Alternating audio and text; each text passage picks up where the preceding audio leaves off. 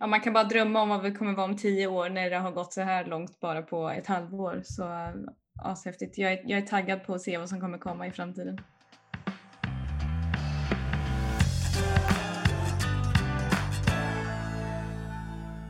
Efter att avsnittet spelades in så fattades det mest omvälvande politiska beslutet för djuren på länge. EU-kommissionen gav till stöd till medborgarinitiativet End the Cage Age. Sätts lagförslaget i verket innebär det att ett liv i bur är slut för över 300 miljoner grisar, hönor, kalvar, kaniner, ankor och vacklar inom livsmedelsproduktionen årligen. Detta då för EUs medlemsländer. I Sverige innebär det slutet för hönor i bur. Och detta skulle ju givetvis stoppat vår topplista, men som ni snart kommer att få höra så händer det otroligt mycket för djuren just nu. Så nu vidare till vår topplista för de 10 bästa händelserna för djuren under 2021, del 2. Glöm inte att prenumerera på podden så att du inte missar ett enda avsnitt.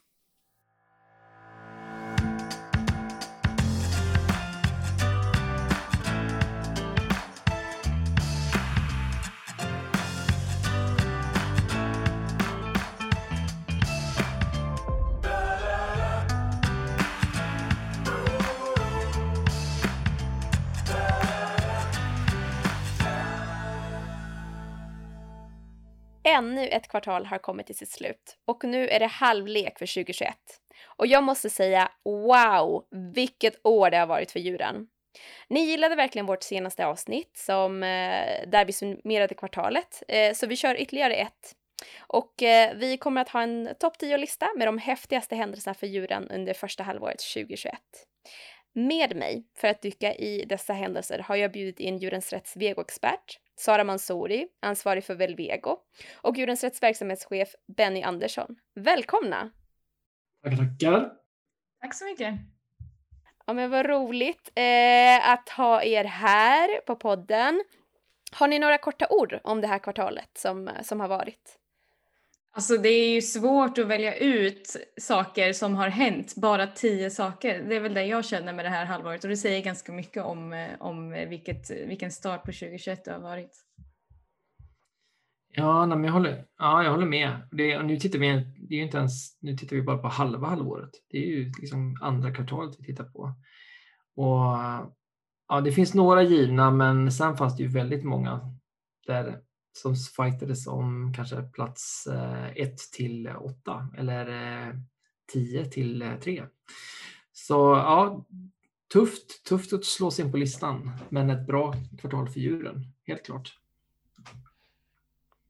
Ja, helt klart ett spännande kvartal för djuren och jag tänker att vi dyker in rakt in i den här listan som vi har sammanställt och vi börjar precis som sist med plats nummer 10 alla livsmedelskedjor är buräggsfria. Ja, det är så det ligger till. Vad säger ni om det? eh, nej men jag, det här ligger ju mig lite extra varmt om hjärtat eftersom det här är någonting som Djurens har jobbat med så himla länge. Och eh, vi, vi backar lite, så här, det är 2008, då sålde alla livsmedelskedjor i Sverige eh, ägg från hönor som, som tvingades sitta i burar. Eh, och det var också då som Djurens Rätt eh, säga, återstartade det arbetet eh, för att få bort burarna helt enkelt. Så ja, så 2008 då, då tog det fart.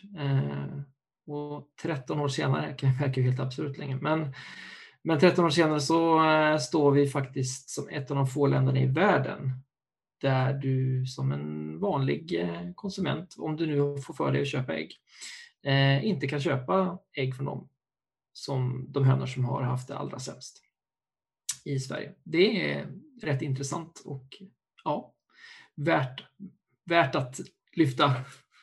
Värt, värt att ta med i listan och eh, jäkligt stort skulle jag vilja säga. Eh, att vi inte, snart har vi ju inga hönor i, i burar här i Sverige. Nej, och det, och det är också ett, är vi ett av de få länderna i världen som har så få höns som sitter i burar. Nu är det ju faktiskt upp till politikerna att ge det här den sista knuffen alltså. För konsumentmakten och företagen har, har liksom spelat den stora rollen här. Ehm, och flyttat hönorna ut ur burarna. Så, eh, men, men som sagt, det har verkligen varit ett så här stort projekt som Djurens Rätt har jobbat med under lång, lång tid eh, och fått alla livsmedelskedjor Eh, under de här 13 åren att eh, sluta med, med den här försäljningen och inte bara, inte bara liksom äggpaketen utan även det de stoppar in i sina egna märkesvaror. Eh, det finns en kvar som inte har varit supertydlig riktigt än och vi tittar på dig, du stora företag som börjar på I och slutar på CA. Eh, ni får jättegärna förtydliga på er hemsida hur det ligger till med när exakt ni slutar med burägg som ingrediens.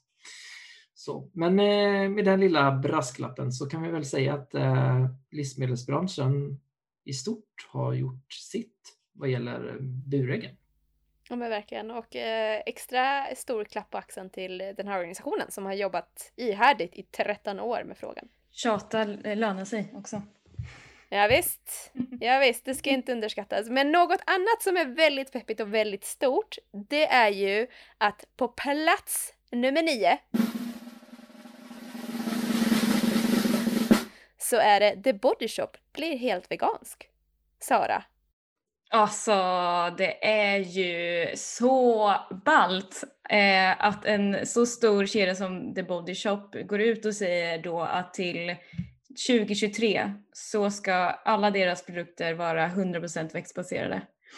Um, och de siktar då liksom på att vara det första globala skönhetsmärket att ha då, alltså hela sitt sort, eh, sortiment certifierat med The Vegan Societys eh, veganska märkning. Eh, alltså det är så coolt så jag typ får gåshud och jag, det, det, här är en sån grej att i och med att The Body Shop gör det så, så hoppas och tror jag att fler kommer ta efter det här för att man inser att det behöver inte vara animaliska grejer eh, i saker och ting för att det ska funka. Eh, sen är det ju så att Bodyshop har redan, alltså i, i nuläget när vi snackar i år, redan 60 eh, av sina produkter som är veganvänliga. Så de har ju liksom så här med tiden gått åt det här hållet. Eh, så det är klart att det kan ju vara en bra resa att göra så också. Det är som när folk blir veganer, man börjar som vegetarian och blir vegan sen. Lite grann så. Eh, men eh, jätteinspirerande och jättekul i alla fall. Eh, så go body, the body shop säger jag. Ja men verkligen och kanske extra, det är ju bra att de har lutat åt det här hållet under några år men det är ju tycker jag åtminstone extra viktigt att stora företag sätter en tydlig deadline för när de ska övergå till att eh, ja, eh, ta mer ansvar och till exempel eh, erbjuda ett helt veganskt sortiment. Ja, det blir svårare att slingra sig liksom och säga nej, vi sa aldrig det. Men de sa slutet på 2023 har de sagt, december till och med tror jag till och med. Så att eh, ja, vi får vänta och se. Och en annan fantastisk sak som har hänt under det här senaste kvartalet är ju på plats nummer åtta. Linas matkasse säger ja till SEC. Till slut så gjorde de det och det är ju jättehärligt att se ett företag göra en sån resa. Eh, ja, och i det här fallet så framför, framför engagerade kunders, eh, vad ska man säga, eh, framför deras ögon. Så, nej men det här är ett företag som, det är ju, det är ett av Sveriges största matkasseföretag som är ju, tillhör den gruppen företag som inte har haft det så tufft under pandemin. Tvärtom kanske.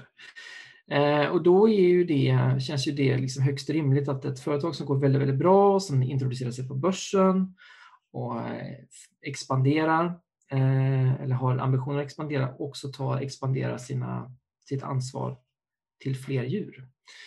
Så, så det, det är jätte... Ja, men det, det hedrar dem att de tog det här beslutet och även då adderade det väldigt, väldigt viktiga kriteriet att en, min, minst 20 procent av de här kycklingarna eh, måste ha rätt till utevistelse. Så eh, tumme upp till Linas matkasse.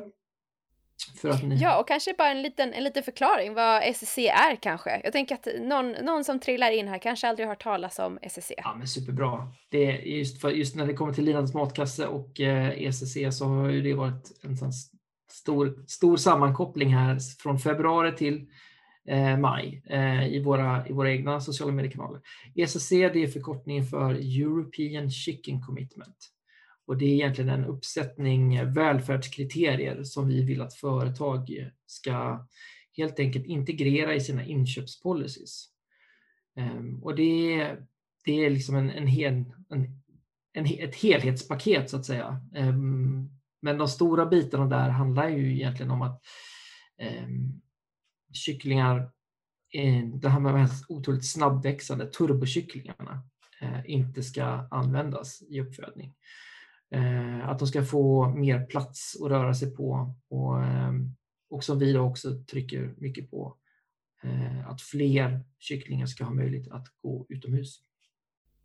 Ja, nej men det var, det var inte dåligt. Det är hur härligt som helst att Linas matkasse verkligen utvecklat Eh, sitt hållbarhetsarbete. Och eh, vill du som lyssnar hålla dig uppdaterad och kanske vara med och bidra i de här olika typer av konsumentupplysningskampanjer eh, som eh, Djurens Rätt håller i, då ska du gå in på djurensrätt.se blixtaktivist. Någon annan som engagerar sig kan man minst säga är ju den som befinner sig på plats nummer sju. Dafgårds satsar 300 miljoner kronor på Vegosark fabrik. Sara, vad har du att säga om det? Daffe, Daffe, Daffe. Alltså shit, det är ju, det, det är ju så stort. Jag säger, kommer säga det om varje punkt här, men det är så stort eh, att de satsar så här, alltså 300 miljoner kronor på Vego det här hade man bara kunnat drömma om för några år sedan, att ett så stort företag skulle satsa så här mycket på en helt ny fabrik för att bara göra liksom veganska produkter. Och det här är liksom inte bara det att, att det kommer bli mycket bättre för, för folk som vill äta veganskt och folk som vill testa veganskt, utan det, kom, det här ger ju också flera nya jobb där i, i Källby, där de, där de befinner sig. Hundra nya jobb kommer den här anläggningen att, eh, att skapa. Och det är ju så här, vi snackar då liksom allt allt. Det är så här smörgåsmat, salami, köttfärs, det är liksom kyckling, bratwurst, allt växtbaserat då. Eh, och det här kommer liksom säljas och produceras över hela världen från, från Tokyo och Paris till, till Shelby och det är så, så häftigt. Ehm, och jag vet att Magnus Dafgård då som, som är, eh, ja men man hör ju vem man är, Magnus Dafgård. Han har, han har själv sagt att om fem år så kommer ingen fundera på om korven på mackan är gjord av gris eller bönor. Och då blir frågan, vad vill du egentligen helst ha? älskar det citatet. Ehm, ja. Det, ja, men det, det är så häftigt. Eh, så go Dafgård säger jag. Verkligen, det är ju mycket alltså jag, Mitt hjärta klappar lite extra här. Eh, jag känner, ett problem som Sverige haft har ju varit just med produktion, av att kunna ha produktion lokalt eh, av eh, växtbaserade produkter. Så nu satsas det ju, satsas det ju 300 miljoner kronor. Så att, eh, mm, Ja, och det här med att ha en deadline och så, de säger ju också att den första produktionen har de ju sagt också när den kommer komma och den kommer starta i början på 2022 redan så det är inte, det är inte jättelångt kvar ändå tills vi, vi har en helt eh, veganskärk eh, i Sverige heller. Eh, men också så har vi också hört, eh, heter de Danone, uttalar man det så? Deras för, det företag, Danone, Danone. Ni vet vilka jag menar. Danone? Det, det, det är nog Danon. franska va? Så det, det, gäller, det gäller att hitta... Exakt. Danon. Danon. Men Danon. Ja men precis, för de har gjort en liknande grej här nu att de, de eh, ska också investera 140 miljoner eh, i, eh, i en fabrik på Österlen som, eh, som också ska bli, eller deras mål är att det ska bli en hubb för just växt, växtbaserade produkter. Eh, så att, ja, det är ju en, en veganvåg som är här för att stanna, eh, minst sagt. Precis, och där, där som, eh, som du är inne på där Francesca, just för det, det har ju verkligen varit en, ett, ett problem, eller det är ett problem att eh, förädlingsverksamheten eh, eller förädlingsprocessen av växtbaserade alltså råvaror inte finns i Sverige. Vi har liksom en infrastruktur inom livsmedelsindustrin som bygger på att man ska mala sönder djur hela tiden och, och göra produkter av. Men vi har inte samma liksom infrastruktur fabriksmässigt eh, för att förädla alla de, alla de växter vi liksom odlar i Sverige som, som, ska, som ska gå till livsmedel. Det finns inte, så det är därför som jag tänker så här, vi, vi äter liksom biffar från Sydafrika. De är jättegoda och jättebra, men det är ändå någonting som känns lite skevt. Att eh, så här, eh, de här väldigt högkvalitativa produkterna från Sydafrika eh, behöver åka ända hela vägen till oss eh, när det bör finnas. Och här är en passning då till alla som inte har gjort som Dafgård. Varför vill ni inte ha mina pengar, brukar jag säga. Varför vill inte ni ha mina pengar? Eh, det, det, blir liksom exakt samma ettor och nollor på bankkontot som om det vore en, en, en animalisk produkt. Så här, det är en passning till, eh, till övriga svenska eh, företag som ännu inte har eh, steppat upp här. Och, och vi skulle ju behöva en liten ska man säga, livsmedelsstrategi i Sverige som våra politiker styr över. Att i den livsmedelsstrategin faktiskt också med att växtbaserat är någonting att satsa på. Det finns massor med mål i den om eh, exportmål för animalier, väldigt lite om ens något om växtbaserat. Så eh, ja, uppgradera, uppdatera.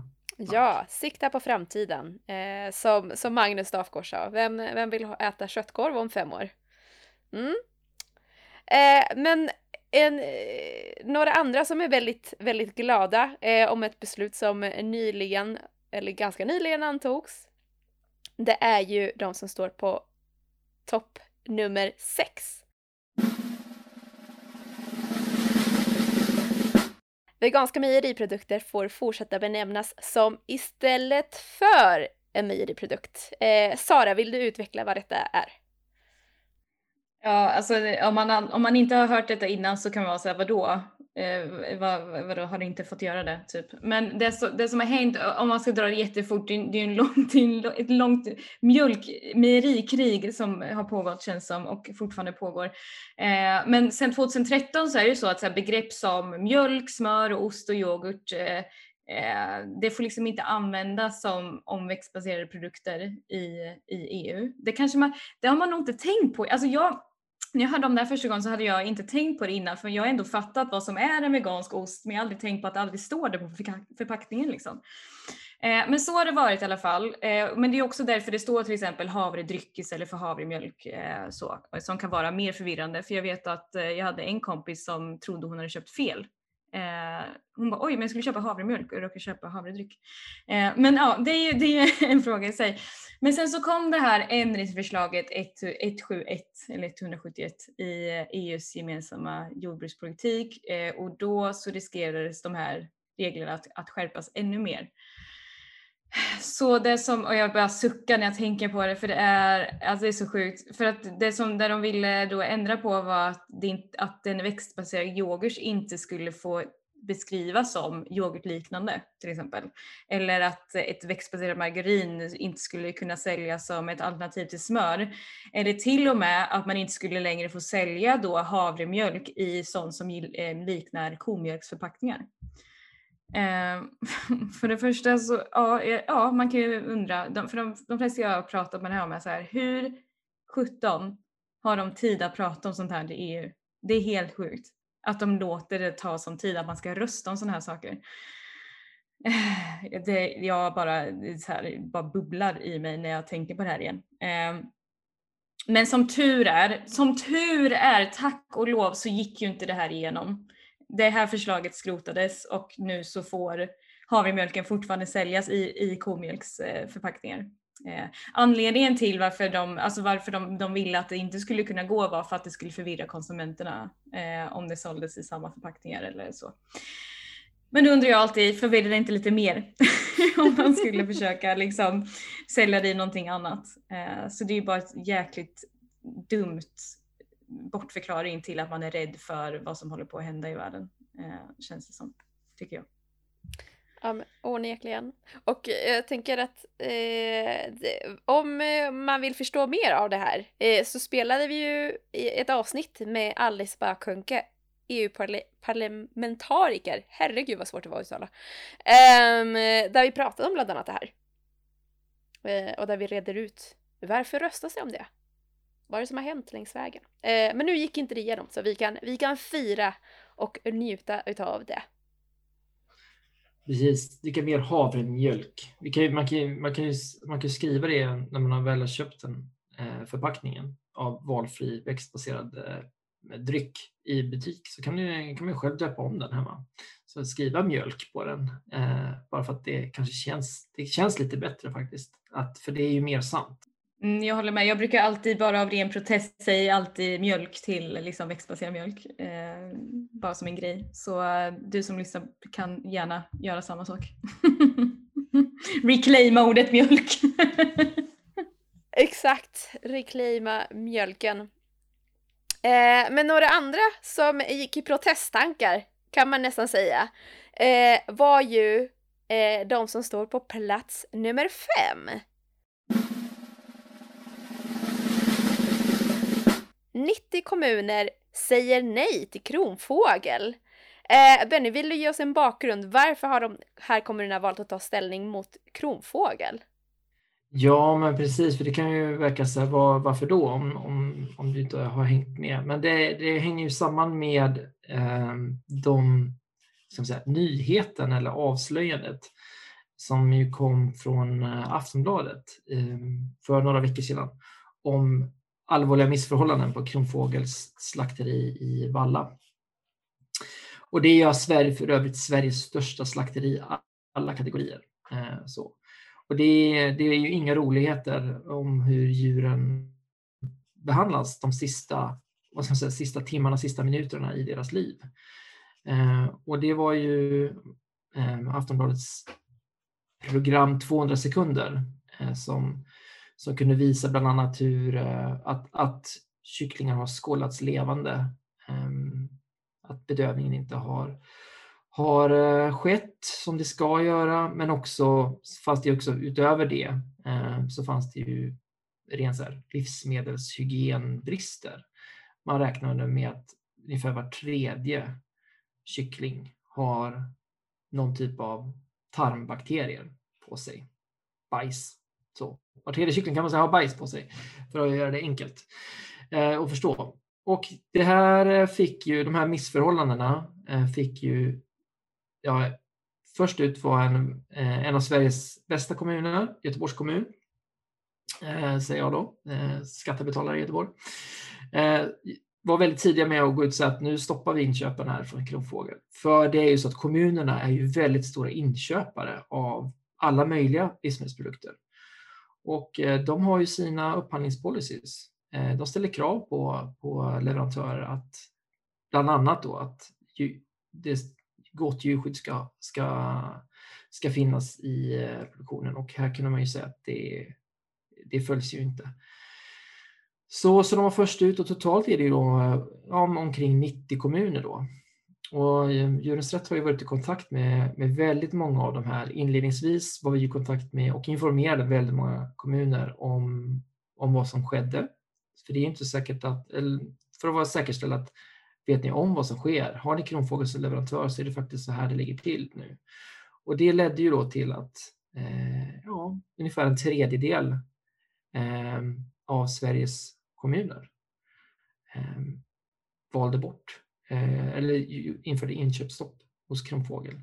Det är ganska många miljoner ska jag säga. Det är ganska, det är ganska många miljoner kronor eh, det handlar om. Så eh, ja, så vi får se hur, vad det här för med sig. Men det visar också hur viktigt det är att, för det här är våra skattepengar. Det visar också hur viktigt det är att vi som medborgare ställer krav på att våra skattepengar hamnar någonstans. Eh, det ska inte gå till djurplågande företag. Det, är liksom, det måste vara någon slags baslinje. Så, så jag är jätteglad över det, det jobb som har gjorts, inte minst inom ramen för, för Djurens rättsprogram Djurvänlig kommun, som ju eh, rankar och coachar kommuner eh, om hur de kan göra mer och bättre eh, djurvänliga eh, inköp och beslut. Så ja, jätte, ja men, det är jättetråkigt när man ser sådana här saker, men det som är positivt är att så många agerar och säger att det här är inte okej. Okay. Exakt. Jag tror att i förra avsnittet som vi, vi summerade liksom första kvartalet 2021, då pratade vi ju om eh, eh, kravskandalen. Eh, och där nämnde vi något liknande, att det är fruktansvärt tråkigt att se det här. Men å andra sidan så är det här den verkligheten som pågår dag in, dag ut i de här djurfabrikerna och som när den exponeras till allmänheten så, så vaknar allmänheten och väljer att agera och det eh, gör att man kan ta stora steg för att eh, förhindra eh, att det sker igen och att förbättra situationen för djuren framöver.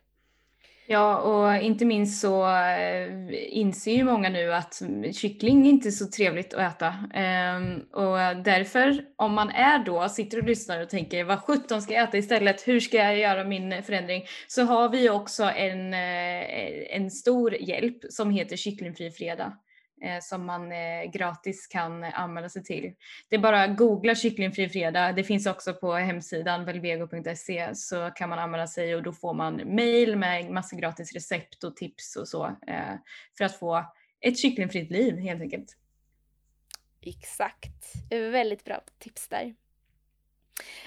Och några andra som kör kycklingfritt det är ju de som är på plats nummer fyra världskända Michelin-restauranger blir helt veganska. Sara? Ja, alltså visst är det en fantastisk trend.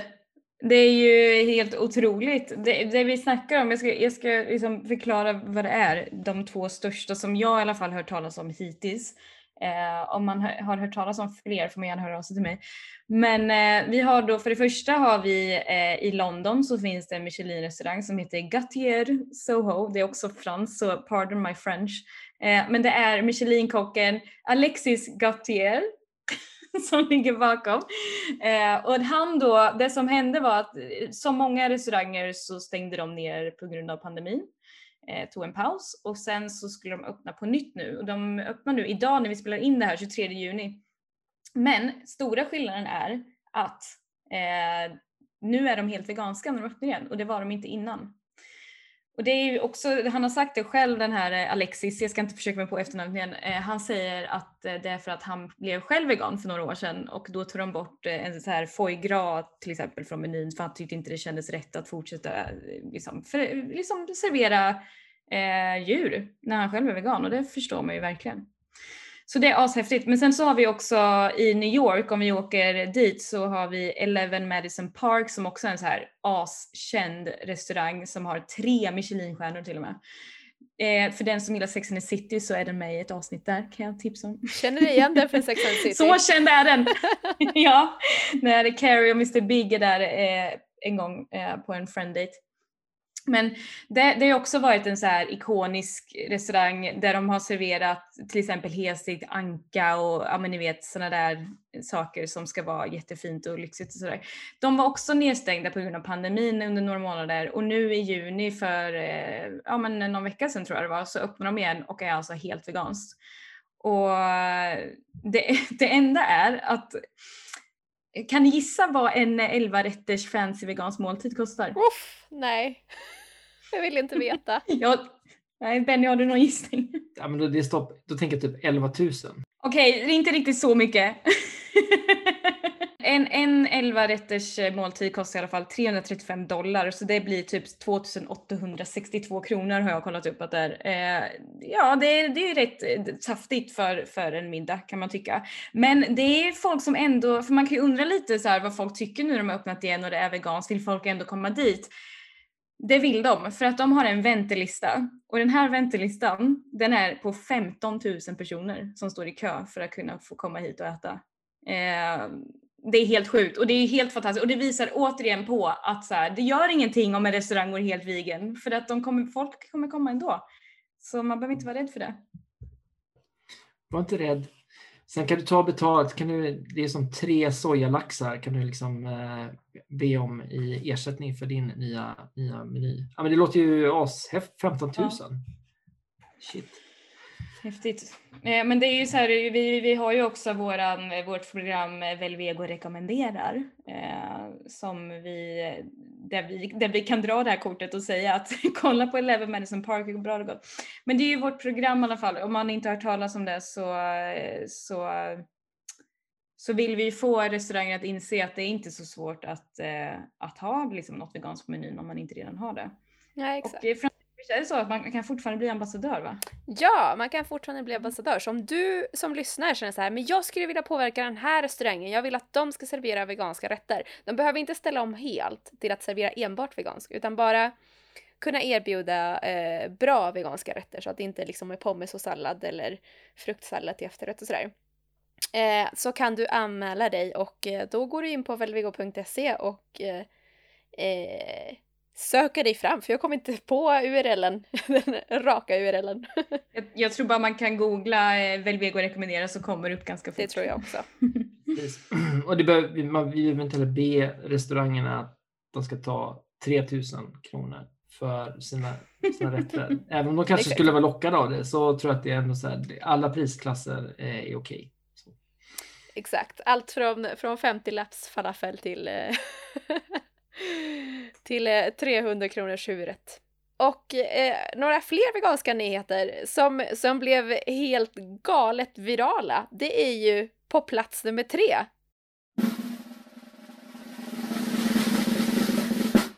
Nu kommer vi till de spännande tre sista godbitarna, verkligen. På plats nummer tre har vi att OLV släpper veganska ost ostbågar. Oh my god. Jag, första gången jag, jag hörde ryktet om dessa ostbågar och jag ska säga jag har varit vegan i tio år och jag har längtat efter den här dagen så länge för ostbågar var mitt absoluta favoritsnacks innan jag blev vegan. Um, och det finns, jag vet det finns vissa veganska ostbågar fortfarande ute på marknaden, eller det finns det nu. Uh, men jag tycker inte att de äter sig lika bra som de som, eh, som jag har käkat innan i mitt liv. Hur som helst så började det som ett rykte på Jag såg i så vissa vegangrupper på Facebook att eh, det var någon så här suddig bild på någon så, så man en stor vegan på en OLV ostbågspåse och folk var så här, är det sant, är det sant, är det sant? Och sen så visade det sig att det var sant, det är sant, det kommer komma eh, veganska ostbågar från OLV. De släppte själva ett pressmeddelande om det eh, för inte alls så länge sedan. Eh, och de ska tydligen ha liksom den här smaken av cheddar utan att det är någon ost inblandad och det ska tydligen smaka liksom som originalet. Och jag längtar så mycket efter att få testa de här. Eh, tyvärr så, nu, nu kommer det dröja ett tag, man får vänta lite tills eh, över sommaren här, men vecka 33 så ska det finnas i, i butik. Men va, vad kan man göra om man vill testa innan då? Det är en bra fråga. Då borde man följa Velvego på Instagram. Eh, vi kommer nämligen att eh, förmodligen ha en tävling där man kan få tävla om att vara bland de första i Sverige som får smaka på de här, på de här eh, ostbågarna. Något som man inte vill missa. Så håll utkik där så kommer det komma. Ja men verkligen. Eh, och om vi... In, ja. Jag tänkte bara säga, in och följ här nu om ni vill liksom uh, flöta till det ordentligt med, uh, med ostbågs uh, mayhem sen. Nej men det är ju, jag tänker det. In och följ väl Vego. Det är, till, och med, till och med jag kommer, alltså jag följer alltid väl Vego, men uh, till och med jag kommer typ, ge mig kast med det här fastän jag inte var en ostbågsperson innan jag blev vegan. Men det är mycket, det är mycket jag har lärt mig att gilla i vuxen ålder. Så även ostbågar förmodligen. Eh, ostbågar består ju dessutom till 95 procent av majs. Så sorry out there. Eh, ja, det är ju rena hälsokuren. Det är rena salladen. Ja. ja. Eh, men man blir ju lite nostalgisk. Eh, Velvego, tidigare hette Vegokoll, listade förut liksom de enskilda, enstaka och ensamma veganska snacks och godis och eh, produkter som fanns ute i butikerna förr i tiden. Och då snackar vi inte så jätte, jättelänge sedan, utan vi kanske pratar om 6-7 år sedan bara. Eh, och nu är det ju en helt annan eh, marknad som vi rör oss på. Ja men alltså det kommer ju nya, nya snacks hela tiden som, är, som är, de, de skyltar också om att det är veganskt. Det har de inte gjort förut, att det, att det står stort på påsen att det är veganskt. Liksom. Det är helt nytt. Till och med de här eh, som man lärde sig i början av sin veganism som var så här hemligt veganska. Till och med de har man ju börjat se nu att det står vegan på. Um, vissa chips och sånt. Alltså det, är, alltså det är underbart. Jag älskar det. Framtiden Hemligt veganska. Det är så bra, bra uttryck. Typ. Det var i vår hemliga vegangrupp Ja men precis. Som skrev om dessa. Ja, jag tänkte säga, men egentligen så här, det är som ett exempel, gillekakor. De var ju hemligt veganska. Alltså typ Sveriges typ standardkaka, du vet så här fika rumskakan nummer ett. kom ju en back från Gille liksom. Men nu är de inte hemliga, för nu har de ju, nu har de ju djurens rätts veganmärkning. Så det är ju Ja, sjukt ohemligt. Så. Och, Ja, och sjukt gott. sjukt. ja. Jag kan säga att de är så populära och och det är så himla många kakor som är veganska numera. Jag var på en eh, barnkalas i eh, helgen. Och eh, ingen, ingen eh, av deltagarna där var veganer förutom jag då. Men min fina kompis hade ju såklart tagit, köpt kakor och hon bara men när jag skulle köpa kakor så var ju alla veganska. Och jag bara jag vet. Livet är bra. Livet leker. Åh, vad underbart att få den reaktionen. Men det är då personen inser, men jag är ju nästan vegan själv då. Exakt. Typ så Om, man har, om ens diet består till 30% av kakor, då är man ju 30% vegan nästan by default. Så tänk på det alla där ute som ännu inte är veganer men äter väldigt mycket kakor. Det är Ja. 30 procent. taste good and good for the animals. Typ. Ja. Ja men det, det blir eh, vår nya slogan. Men på tal om just djur så har det ju hänt faktiskt något helt historiskt eh, bara här de senaste veckorna. Och det är ju på plats nummer två som vi befinner oss nu. Och det är att initiativet End the Cage Age tar eh, djurskyddslagstiftningen till en annan nivå. Ja. Benny, vad säger du om det? Det, är- alltså det, här är, det här är liksom så stort på så många sätt eh, att jag vet liksom inte var man ska börja nästan. Men det som, det som om, vi, om vi börjar i närtid så är det ju helt enkelt att eh, vi har då ett medborgarinitiativ som det heter, eh, som heter End the Cage Age och det har fått stöd, eh, och inte bara stöd, det har bara liksom fått total förkrossande majoritet i Europaparlamentet och ställt sig bakom de förslagen som har lyfts i det här medborgarinitiativet. Det skedde här eh, 10 juni. Och det är ju helt enkelt, om man då backar då, så är det ju det här medborgarinitiativet är helt enkelt, det är en, det handlar om att djur ska inte sitta i burar, kortfattat. Eh, och det gör idag, alltså 300 miljoner djur sitter i burar i Europa eh, varje år. Och Djurens Rätt tillsammans med otroliga 170 andra organisationer har eh, samlat in 1,4 miljoner namnunderskrifter som då har gjort det här, som då det här förslaget blir ett officiellt, som det heter då, European Citizens Initiative. Eh, vilket då formellt eh, gör det till att ehm, EU-kommissionen måste ta upp det här och eh, diskutera hur de ska hantera det. Så det är den processen vi är i nu. Eh, och där har vi då alltså vårt förslag som ju backas av 1,4 miljoner eh, e EU-medborgare och varav det är ungefär 50 000 eh, som är svenska medborgare. Så tack till alla er som lyssnar och som har skrivit på eh, vår namninsamling. Så där, det initiativet är helt enkelt nu då på väg till kommissionen nästa vecka förmodligen. Vi håller tummarna att tidtabellen håller med Europaparlamentets stöd.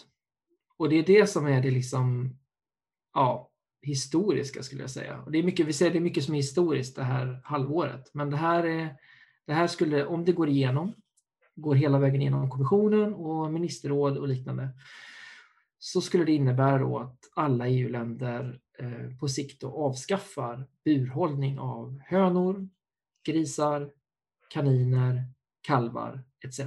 Och för att koppla till det du nämnde innan där Sara med eh, det här franska uttalet gåslever, foie gras. Typ. Eh, det smög sig in ett litet tilläggsförslag här från eh, parlamentet där, de, där de faktiskt la till att den här typen av uppfödning av djur, den borde förbjudas. Det var inte alls med från början, men det smög sig med här och fick också en majoritetsstöd. Så det var ju en otroligt fin bonus. Wow, det är ju, jag blir lite så här speechless. Det är ju så himla stort. Det påverkar så otroligt många djur. Det har ju inte gått igenom, vi ska liksom inte ta ut eh, här vinsten i, i förhand så, men om det gör det så är det ju, eh, ja, det tar ju lagstiftningen till en helt annan nivå. Vi kan verkligen börja fokusera på att driva andra frågor än att bara se till att djur inte sitter i burar. Och eh, något som är också är på en helt annan nivå, det är ju plats nummer ett. Köttkonsumtionen fortsätter minska även första kvartal 2021. Och här tänker jag att här kanske ni båda har lite olika saker att säga. Men, eh, men ska vi börja med dig Benny, vad, vad säger du om det här? Först tänker jag så här, ah, kan det här stämma? Alltså, så tänker jag varenda gång jag ser, vi får de här siffrorna från Jordbruksverket, de kommer varje kvartal. Eh, eller inte men det, det kommer kvartalssammanställningar helt enkelt om konsumtion av, eh, av eh, allt möjligt. Men vi tittar ju särskilt på animalier då. Och där ser vi ju att det är ju, alltså jämför vi med förra året så har alltså köttkonsumtionen gått ner. Befolkningen i Sverige har gått upp. Det, det får vi också med. Men trots det så har alltså konsumtionen minskat med 1,5 miljoner färre djurindivider. Så fler svenskar åt 2021, färre djur än 2020, samma kvartal. Och det är... Men ja, heja er där ute alltså! Ja, heja, heja! Ja. ja, det är helt otroligt. Det, är ju, det, är, det, är verkligen, det här visar verkligen på hur stor skillnad det gör vad man väljer att lägga på tallriken varje dag. Alltså att det verkligen gör en skillnad. För många kan vara såhär, vad spelar det för roll vad jag, liksom vad jag äter till middag? Det, det, det är det här det visar. Det spelar jättestor roll. Det räddar liv. Alltså bokstavligen så gör det det. Det är så häftigt och jag är så, så stolt över alla som gör annorlunda val än det de är vana vid. ja, och, och då, för, då för att koppla till några av de punkterna som vi pratat om innan här, men eh, då är det ju att av de här 1,5 miljoner djuren så handlar det ju faktiskt, då är 1,4 miljoner av dem är ju kycklingar. Och det är det som verkligen, verkligen spelar roll om vi ska minska lidandet per djurindivid så är det ju att ja, kycklingar, de är ju inte så, de växer otroligt snabbt. Eh, men de är inte så stora. Så, så av konsumtionen är ju, det är många kycklingar per, per genomsnittssvensk. Så bara genom att flytta, liksom, flytta gaffeln eh, från den ena rätten till den andra så på sikt så, så gör det ju då att, eh, ja, men dels att, att produktionen av de här djuren, för det är det det handlar om, produktion i djurfabriker, eh, minskar ju. Och här är ju någonting som kanske kommer till nästa då, eh, kvartalssammanställning, men eh, Eh, vi har ju fått lite siffror på kycklingproduktion i Sverige. Ehm, för det är ju skillnad på konsumtion och produktion. Så det är viktigt att, att komma ihåg det för att eh, svenska kycklingbranschen, de skickar ju pressmeddelanden om hur bra det går hela tiden. Att vi äter mer kyckling, så vi äter mer svensk kyckling. Och det stämmer. Eh, vi äter färre kycklingar, och, men de som äts, av dem är det fler, en högre andel som är eh, uppfödda i Sverige. Vilket ju, som vi då har pratat om innan, inte behöver betyda att det är så himla kul för djuren. Eh, men i april så var det färre kycklingar som slaktades 2021 än 2020. Vi vet inte riktigt varför ännu, så vi stay tuned. Um, stay tuned. Mm. Det är också, jag tror en, en stor anledning till också varför det, varför det går neråt är ju för att det finns så mycket altern, mer alternativ nu också till, alltså, ja, bland annat kyckling, men det finns korv, det finns bullar, det finns färs, alltså all, det finns ju verkligen så mycket att ersätta med. Jag tror att folk börjar få upp ögonen för det mer och mer också. Och jag menar, jag vet att kändisar som typ Drake och Jay-Z har liksom gått in med och investerat i alltså vegankycklingprodukter. Och bara en sån grej blir man så här, ah, tack för att ni gör det, för att ni visar liksom att, att ni stöttar en industri som uppenbarligen är framtiden. Eh, och det andra kan vi bara säga hejdå till, tycker jag. Hejdå! Hej då! ja men verkligen så kul med Drake och Jay-Z, riktiga trendsetters som eh, ger sig in här och eh, avslöjar att de investerar ju i, i den veganska eller växtbaserade marknaden. Så, eh, men det var ju topp ett, hörni. Vi har tagit oss igenom den här listan. Det har ju varit, ja, det har varit högt och lågt. Mest högt faktiskt. Mest högt. Det har varit otroligt mycket som har hänt eh, det här kvartalet. Alltså jag är helt, jag är, det är ju varmt för det är ju ändå, det, vi, vi spelar in det här i, i mitten på juni eh, nu och det är ju varmt var vi än befinner oss i Sverige mer eller mindre. Men alltså jag blir ju helt varm av att prata om de här grejerna, alltså helt nästan, ja, typ svettig skulle jag kunna säga då. Okej, okay, jag jag blir lite svettig av att prata om allt det här på ett positivt sätt.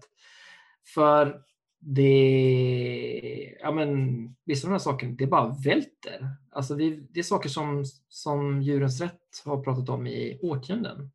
Och nu är vi inte långt ifrån kring vissa av de här frågorna. Och det känns jäkligt häftigt om man får svära i vår egen podd. Eh, och det Jag känns... vi har gjort det fem gånger redan. ja, vi har gjort det. det är för sent. exakt, det är too late.